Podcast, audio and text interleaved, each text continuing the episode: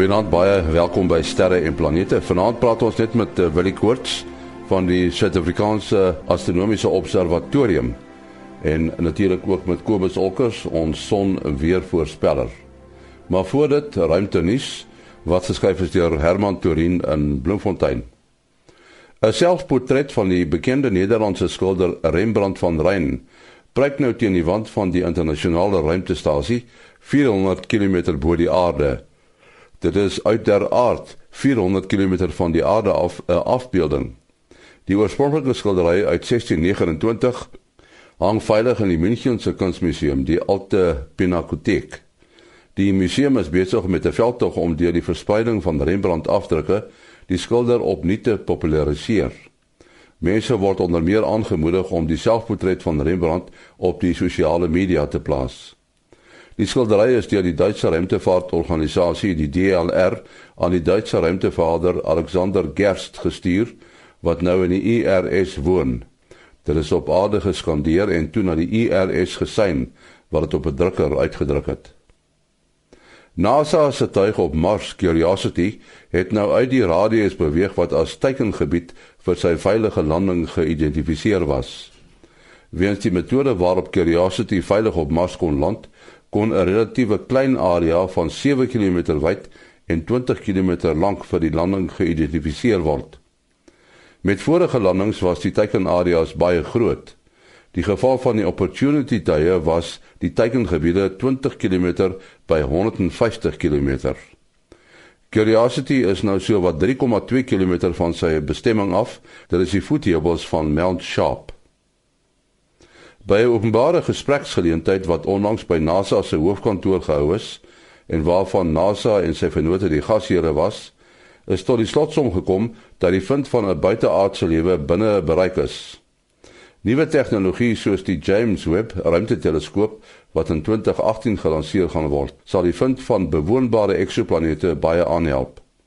Daar kan dan op hierdie planete gefokus word om deur 'n nuut ontwikkelde tegnologie te probeer vasstel of daar lewe aanwesig is. Lydens die NASA verslag wat oor die geleentheid opgestel is, is dit baie waarskynlik dat elke ster in die Melkweg minstens een planeet sal hê. Daar behoort dus heelwat bewoonbare planete ook te wees.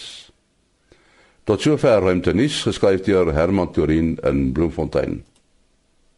En nou is dit tyd vir uh, Kobus Olkers weer om uh, vir ons te vertel van die gedrag van die son. Wat ons hoor Kobus? Ja, ah, goeienaand en 'n goeienaand luisteraars. Ehm um, jong, interessante goed aan die gebeur. Ons luisteraars sal onthou dat ons verlede week gesê het dat die son is vreeslik besig met vreeslik baie kolle aan die aarde se kant. En die goed het nou teen die 13de nou al afgedraai van die kant van die son af. En kan jy dit glo, die son is totaal totaal wat is nou die Afrikaanse woord vir blank? En ons kan aan die aan die aarde kant van die son. Daar is nie 'n enkele sonvlek te sien in in wit lig nie. Uh om die waarheid te sê, hy lyk soos wat hy gelyk het hier teen, teen 2008 toe ons gedag het die, die vreeslike groot die die lae aktiwiteit van die son gaan aanhou vir vir baie jare. En dit gaan uh, dit het net te paart gegaan met die agtergrond ekstra uh vlakke het om 10voudig geval in die afgelope week. Dit is effe meer as 10voudig. En natuurlik is daar geen filamente nie want as daar nie veel aktiwiteit is nie kan daar nie eintlik filamente ontstaan nie. Al wat ons wel het is 'n massiewe groot uh, koronagat aan die suidpool van die son wat ook tipies is van 'n baie lae sonaktiwiteit. En uh, nou ja, ons ons gemeenskap staan slaan redelik ons hande saam dat dit so vinnig kon verander het En stereo is ongelukkig natuurlik nou die stereo satellietpaar is nou uh heel aan die agterkant van die son en die, die ontvangs begin moeilik raak van hulle af. So ons het nie 'n baie goeie beeld wat agter aan die gang is nie, maar dit lyk asof daar net hierdie een groot aktiewe uh, stel kolle is wat aan die hemisfeer van die uh son is wat na die verlede week na die aarde toe gekyk het en wat nou saam om die son om die son gaan en dit lyk asof die hele res van die son baie stil is. So as die klomp die ons het dis 'n kans dat hulle binne so 2 weke kan terugkom na ons toe. Verder geen aktiwiteit. Die radioamateurs kan hulle self geniet hierdie volgende tyd Ek het 'n feile idee die voorspellings is redelik af want ek glo nie enigiemand het hierdie totale stilte verwag nie. En ehm um, daar het jy dit. Jou besonderhede Kobus. Dit is kobusolkers@gmail.com. K O B U S O L C K E R S by gmail.com. Daar sê dit was dan uh, Kobus Olkers in Florida daar in Amerika waar dit nogal taamlik warm is. Nou vanaand het ons uh, vir uh, Willie Koorts van die Suid-Afrikaanse Astronomiese Observatorium by ons. Mate is nie saam met ons vanaand nie. En ons gaan met uh, Willie praat in sterre en planete. Uh, Willie, uh, deesdae hoor mense baie van die sogenaamde supermaan. Nou wonder ek net of dit 'n soort van 'n storie is dieselfde as daai storie waar uh, jy weet Mars so groot soos die maan gaan word. Ek meen volgende maand gaan daai storie weer hier rond te doen, né? Nee. O ja, ons gaan nou die Mars naby die aarde seisoen binne. Dis korrek. Ek het amper al weer vergeet.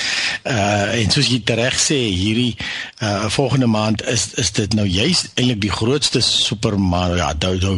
Die term supermaan is is natuurlik glad nie sterrekundig nie. Dit is 'n sterrewiggelaar. Um wat dit uh, in 1979 'n ou met die naam van Richard Knoll het um uh, die ding soort van uitgedink in en uh dit toe nou 'n naam gegee en en en hy nou so 'n arbitreëre definisie daaraan dit is die maan 90% van die normale afstand van die aarde af kom en dit val met volmaan saam dan is dit nou word dit nou geklassifiseer as 'n supermaan. Nou hy, hy het nooit die rede gegee hoekom 90% nie dit is sommer 'n uh, 'n getal wat hy die lig uit gegryp het as jy my vra en en toe dit nou 'n naam gegee naamlik supermaan so as mens nou net dink aan omtrent die die, die maan se baan is ellipties uh so 'n ellips en en dan die die die aarde lê dan in die een een punt van die ellips. 'n Ellips het nou basies twee wat ons noem um, punte waar waarom 'n liggaam gewoonlik beweeg is 'n 'n goeie voorbeeld om te dink is is 'n komeet se baan.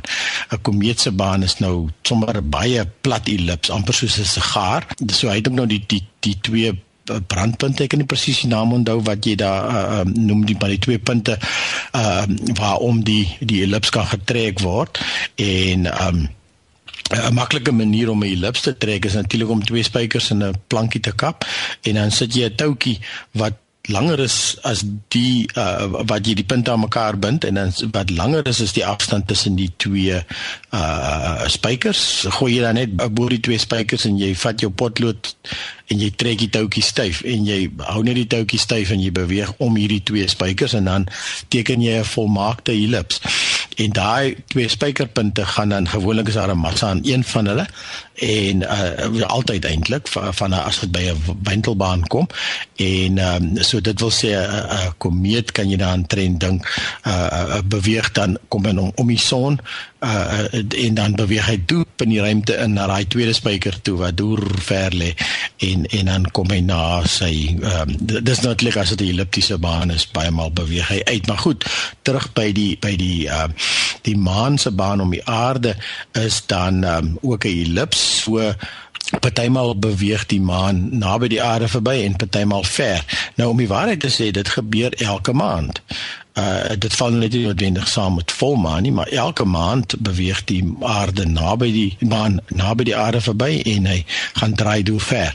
So as hy naby is, uh dan uh, is die maan uit die hart van die saak groter vertoon en as hy dan nou verder loop draai gaan hy gaan hy kleiner lyk. Ja, is so bietjie bietjie minder as eenmal 'n jaar uh herhaal hierdie hierdie stories. So op die 10de Augustus uh dit is dan nou volgende maand is die as die val die volmaan dan saam met uh met die die uh, naaste punt. So dit gaan aan die grootste uh volmaan van die jaar wees. Nou uh vir die mense wat op die 16de Januarie die maan die volmaan afgeneem het, dit was ons kleinste volmaan en ons het dit destyds genoem op die op die program. Uh so as jy nou daai kamera stellings wat jy jou 16 Januarie se maan afgeneem het uh um op die 10de Augustus weer gaan herhaal en jy sit die twee fotos langs mekaar, dan gaan jy sien dat uh, die maan is uh, ons omtrent so 14% kleiner. Uh of verskil dan nou groter as eintlik naby is. Hy was kleiner in Januarie en en gaan hy nou 14% groter wees op die 10de Augustus en dan kan hy soveel as 30% helderder word. Nou normaalweg gaan jy dit nie sien nie want ehm um, die maan, weet dit is eintlik maar 'n klein verskilletjie en dan het jy nou ook nog hierdie hierdie optiese illusie wat die maan altyd groot lyk wanneer hy naby bekende on uh, uh, goed op naby die horison sit. Ehm um, so ja, natuurlik so volgens uh, uh hierdie Richard Knoll se definisie was dit nou die afgelope volmaan uh was dan nou glo ook 'n supermaan en dan nou die een na die volgende maand so die 1 in September die 9de uh, September wanneer dit nou weer gaan volmaan wees die volgende volmaan is nou word nou ook geklassifiseer as 'n supermaan volgens die ou se se definisie so nou is daar weer baie e-posse wat die omgang doen oor die of het nou ook al hierdie gelede uh die die, die ronde doen oor uh, hierdie sogenaamde supermaan en nou uh, wat Nol verder gedoen het is um hy hy sê so Superman gaan dan nou uh, geofisiese spanning op die aarde veroorsaak. Hoekom dit dan nou nie normaalweg gebeur in elk geval elke maand nie? Uh hoekom dit nou net spesifiek op volmaan? Okay, mense kan seker nou miskien dink aan getye en en ekstra hoë getye, maar um dit gebeur al vir eeue en eeue en die aarde is nog steeds hier so. Dit is nou net sedert 1979 wat Nol skielik daaraan gedink het wat die die aarde nou so dan sal die doemprofete nou allerlei aardbewings en en vulkaniese uitbarstings en en al sulke uh, uh, verhoogde risiko's wat ons dan nou blykbaar um, aan aan blootgestel word. Maar soos ek sê, dis eintlik maar tot 'n tot 'n mate astrologie. Dis natuurlik ook dieselfde storie wat ons nou onlangs gehad het met die blood moons, die die die maansverduisterings. Uh nou ja, waar maansverduisterings gebeur nou nog al die tyd en en nog al die tyd uh, raak die maan rooi wanneer dit verduister weens redes wat ons al voorheen gegee het. Dis interessant as 'n mens uh, iets wil bietjie meer uh um uh, wat s'ie woord nou uh, spektakulêr maak gee vir hom 'n lekker naam wat lekker op die tong val en jy begin dit op die massa media te versprei en deesdae is uh, goed soos Facebook en Twitter en en al hierdie uh, um, sosiale media natuurlik die wonderlikste um, platform om om die klas van goeters te versprei. En natuurlik YouTube. O jy sien baie van die video's op YouTube ook. So dit is ja dit is uh, dit is maar net net weer een van daai goeters Wil ons het al in die program daaroor gepraat maar die feit dat die maan so groot uh, lyk as hy nader aan die horison is is natuurlik 'n uh, gesigsbedrog dit is vanweer die feit dat hy naby die horison is juis dat hy so groot lyk nê nee? en natuurlik die die atmosfeer doen ook iets Ja, dit dit lyk vir my ek het nou al verskillende menings gelees en gesien daaroor en uh, nou die dag het ek hier 'n ding by by NASA uh, nasa.gov wat uh, juis is 'n deel van 'n video oor hierdie supermaan het hulle genoem um, van hierdie optiese illusie. En dit is interessant uh, daar het hulle nogal genoem dat daar nie regtig 'n verklaring daarvoor is nie. Dit is natuurlik um, fisies weet ons die maan raak nie groter of kleiner nie. So mense kan dit dit baie maklik gaan meet deur ehm um, nou jy kan amper net liniaal op op op armlengte hou en en ehm um, kyk dan hoeveel millimeter is die is die maan groot wanneer hy opkom en uh later met jou arm die die afstand dan die liniaal tussen die liniaal en jou oë wanneer dieselfde wees om om dit nou uh ehm um, wetenskaplik te maak en jouself se stop dit is jy kan maar iets op um, die kan self fotografies doen sy neem met 'n foto. En die man en die man wanneer die man hoor op sit en ehm um, dat so daar is eintlik nie die atmosfeer het uh, partymal 'n bietjie effek om die maan bietjie meer ovaal te maak. Maar die die deursnit van die maan verander nie fisies nie. So dit is 'n psigosomatiese ding. Dit is iets iets met ons ervaringswêreld En van die verklaringe wat ek al gesien het, noem dit dat ehm um, mense is geneig om voorwerpe in hulle omgewing uh um, te stel. So die so die van perspektief. Jy jy jy kyk in 'n pad af en dit lyk asof die pad het 'n treinspoor en dit lyk of die treinspoor by mekaar uitkom, maar jy weet in die geval in die geval van 'n treinspoor en 'n pad dat die dat die treinspore bly dieselfde lengte uh uitmekaar uit. So en die pad bly dieselfde breedte. Uh um dis maar net 'n manier hoe ons ons wêreld sien en en diepte vir onsself voorstel ensovoorts. So daar is 'n psigosomatiese ding wat 'n mens dan um die grootte van 'n voorwerp wanneer hy met bekende voorwerpe op 'n horison sit, uh um dan uh, outomaties vergelyk en dan as die maan as die as die maan dan hoër op sit in die lug waar hy alleen by homself sit, dan lyk dit net soveel kleiner. Nou uh ek het nou een oggend toe ek inry werk toe dit was eintlik die die die volmaan wat gesak het.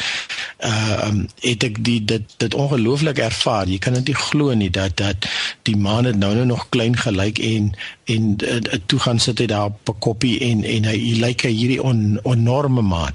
En die volgende oomblik gaan ek deur 'n duitjie en ek en ek kom aan ek aan die koppie uit laat die maan weer ver weg sit van die horison en daar is hy weer klein.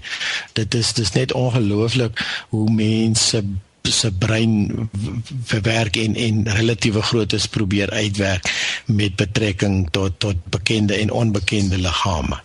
Ja, dieselfde gebeur met die son, né?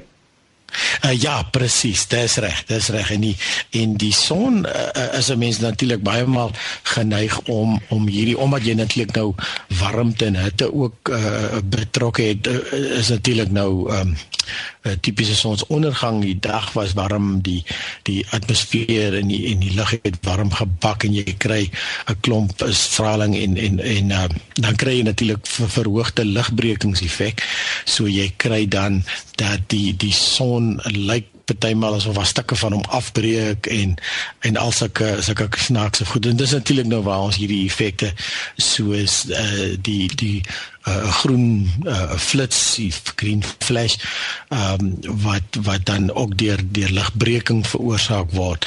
Uh um, wat die wat die atmosfeer dan die die die lig op uh, verskillende maniere buig.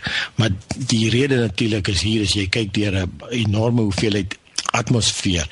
Uh ek het al dit voorheen genoem as jy dink aan as jy 'n as jy 'n lemoen vat en jy steek 'n speltjie in reguit in die skil in en en jy kan um, dan kan jy nou meet hoe dik is die skil.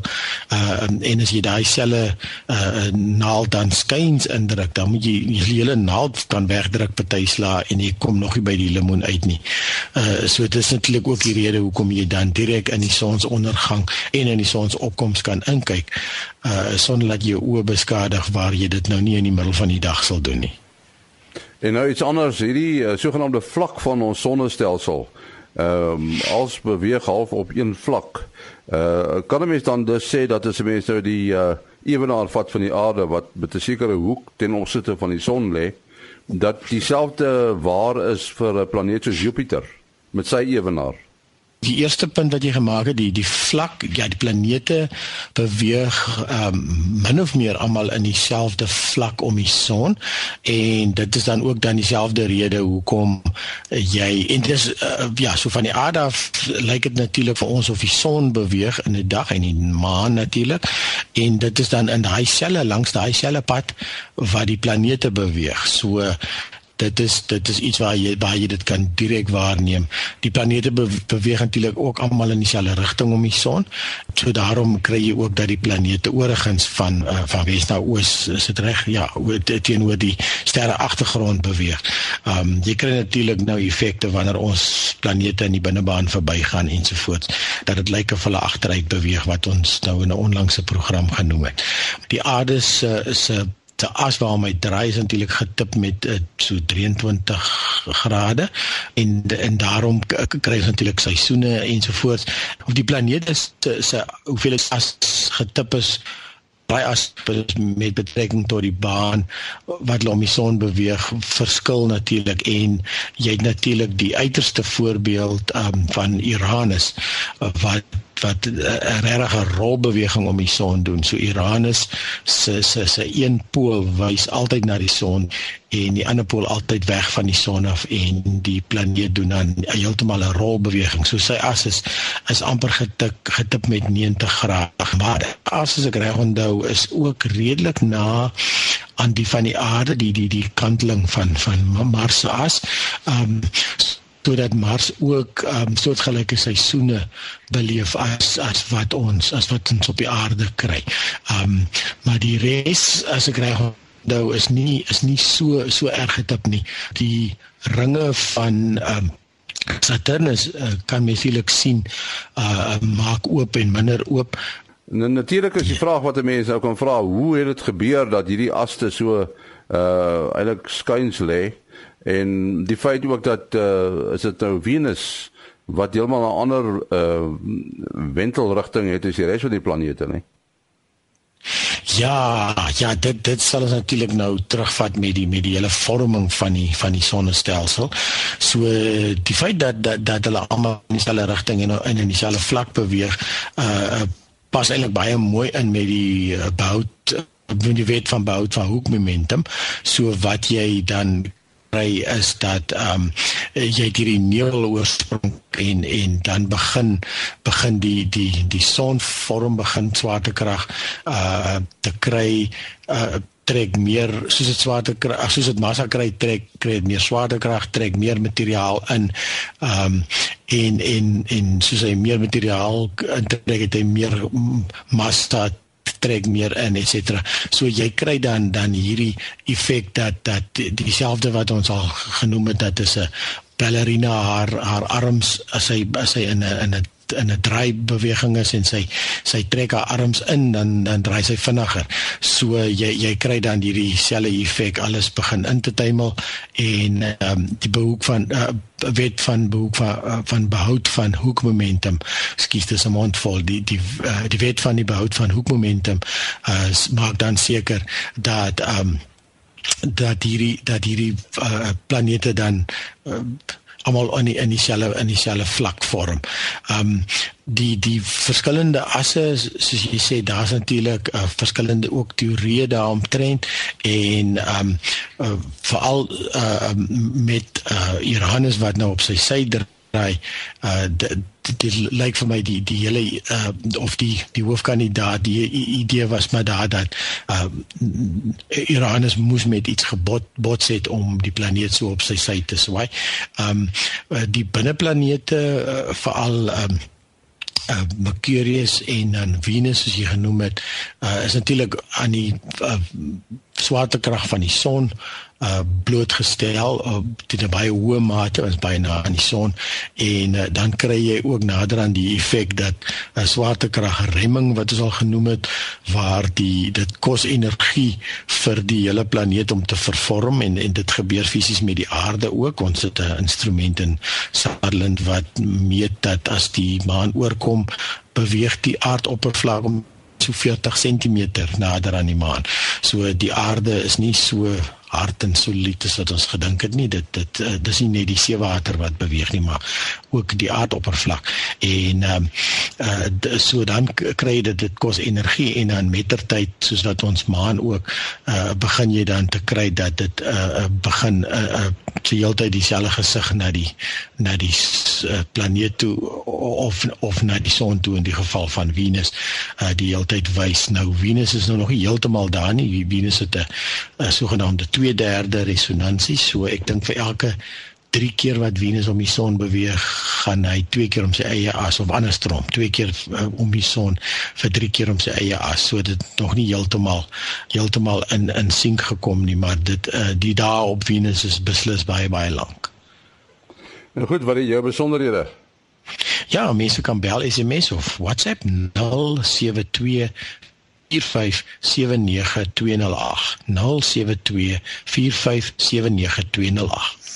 en uh, my besonderhede maas.henny@gmail.com maas.henny@gmail.com tot 'n volgende keer. Mooi dag